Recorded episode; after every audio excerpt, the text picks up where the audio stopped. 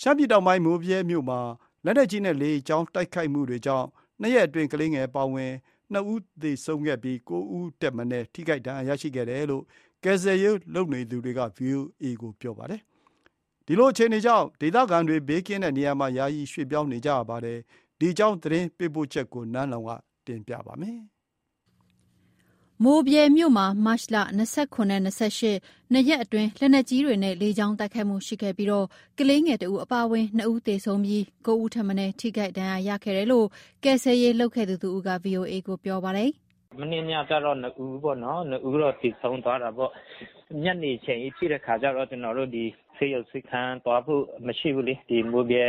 မြို့အဝင်နဲ့အထွက်မှာတိုက်ပွဲဖြစ်နေဆိုတော့ဘယ်ဆေးရုံဆေးခန်းသွားလို့မရဘူး။ကျနော်တို့မြို့တွင်းမှာပဲအရေးပေါ်ကုသမှုတွေပဲလုပ်နေရတာပေါ့နော်။အဲဒီထိခိုက်မိတဲ့လူကျတော့ကျနော်တို့ကမကုနိုင်ဘူးပေါ့နော်။အဲဒါဆုံးသွားတာပေါ့နော်။အဲဒါတဦးရယ်နောက်ကလေးငယ်ကသုံးနှစ်ကလေးငယ်တယောက်ရင်ဘတ်ပွင့်လာအဲဒါပျောက်ဆုံးသွားတယ်အဲလိုပေါ့နော်။ကျနော်တို့အဲဒါသိရတယ်။အဲဒီတဦးကျတော့ကျနော်တို့မကုရဘူးပေါ့နော်။ကျနော်တို့အနေနဲ့ကျတော့မနေ့ညကျတော့စုစုပေါင်းကျနော်တို့ပို့ဆောင်ကုရတာဒီ၉ယောက်လောက်ရှိတာပေါ့။ဒီရက်ကတဦးပေါ့နော်။”မတ်လ၂၇ရက်နေ့ကမိုးဗြဲမြို့ညောင်ဝိုင်းရပ်ကွက်မှာကာကွယ်ရေးတပ်တွေနဲ့စစ်ကောင်စီအကြားတိုက်ပွဲဖြစ်ခဲ့ပြီးတဲ့နောက်မိုးဗြဲမြို့လယ်ခေါင်၊ ပွဲကုန်း၁ရပ်ကွက်၊ပွဲကုန်း၂ရပ်ကွက်၊ပွဲကုန်း၃ရပ်ကွက်နဲ့ညောင်ဝိုင်းရပ်ကွက်တွေကို လေကြောင်းကနေတိုက်ခိုက်တာလို့ဆိုပါတယ်။မတ်လ၂၈ရက်ညနေပိုင်းမှာတော့အပြန်အလှန်တိုက်ပွဲတွေငြိမ်သက်နေပေမယ့်လက်နက်ကြီးပစ်ခတ်မှုတွေဆက်ရှိနေတယ်လို့ပြောပါတယ်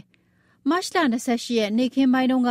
နေအိမ်အဝတ်အစားပြန်လာယူတဲ့ဒေသခံတဦးလက်နက်ကြီးထိမှန်လို့ခြေထောက်ဒဏ်ရာရရှိခဲ့တယ်လို့ကယ်ဆယ်ရေးလုပ်ခဲ့သူကပြောပါတယ်။ ဒီလိုတိုက်ခိုက်မှုကြောင့် ထိခိုက်ဒဏ်ရာရသူစာရင်းဟာ သူတို့ ကူညီကုသပေးခဲ့သူတွေဖြစ်ပြီး သူတို့ လက်လှမ်းမမီတဲ့ နေရာတွေမှာလည်း ထိခိုက်ဒဏ်ရာရသူတွေ ရှိနိုင်တယ်လို့ ကူညီကယ်ဆယ်ရေးသမားက ပြောပါတယ်။မတ်လ ၂၇ ရက်နေ့တုန်းက မိုးဗြဲနေရာအနှံ့ ပစ်ခတ်သံတွေ ဆက်တိုက်ကြားရပြီး တနေကုန်နီးပါး ပြင်းပြင်းထန်ထန်ဖြစ်ပွားနေတာပါ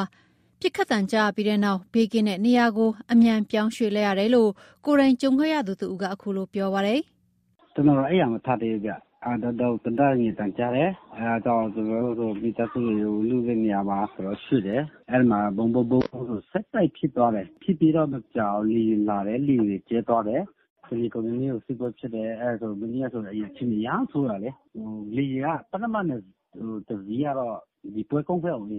ပစ်သွားတယ်ဗျ။ပွဲကုန်းကိုကြဲတယ်ပစ်တယ်။နောက်တစီးနဲ့ကျမှပဲအဲဒီညောင်ဝိုင်းရဲ့ ဘုန်းကြီးကျောင်းအိမ်သာတောက်လျှောက်ကြဲသွားတာ။အဲဒါပြီးမှနည်းနည်းငြိမ်သွားတယ်။တချက်ငြိမ်သွားပြီးတော့ဟိုးဆွမ်ကန်းတို့ဘက်ကိုအဲဒီလွိုင်ကော်ဆွမ်ကန်းလမ်းခွဲကျမှတခေါက်ပြန်လာကြဲသွားတာ။လေယာဉ်တော့သုံးခေါက်လောက်လာသွားတာပေါ့နော်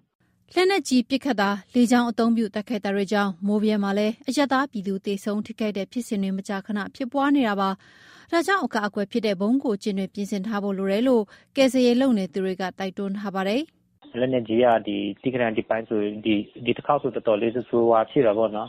အဲဒါကိုနေရာအနှံ့ကိုကျနိုင်တာပေါ့နော်တချို့ဆိုဒီကတုတ်သွင်းမရှိကဘာသွင်းမရှိတဲ့လူဆိုပြင်ပြင်ဆင်မှုမရှိတဲ့လူတွေကြတော့အထိခိုက်မှုတွေတော့ကျွန်တော်တို့တွေ့နေရတာပေါ့နော်ဒီကကျွန်တော်အနေနဲ့ဆိုတော့တိုက်တွန်းရှင်တာကြတော့ဒီအိမ်တဲ့အိမ်မှာတော့အရေးပေါ်ပေါ့နော်လုံခြုံတဲ့နေရာတစ်ခုအဲ့ဒါရှိဖို့လိုမယ်လို့ကျွန်တော်တို့အနေနဲ့မြင်တာပေါ့ဟုတ်ကဲ့မိုးပြဲတိုက်ပွဲနဲ့ပတ်သက်လို့စစ်ကောင်စီဘက်ကတော့တစုံတရာထုတ်ပြန်တာမရှိသေးပါဘူး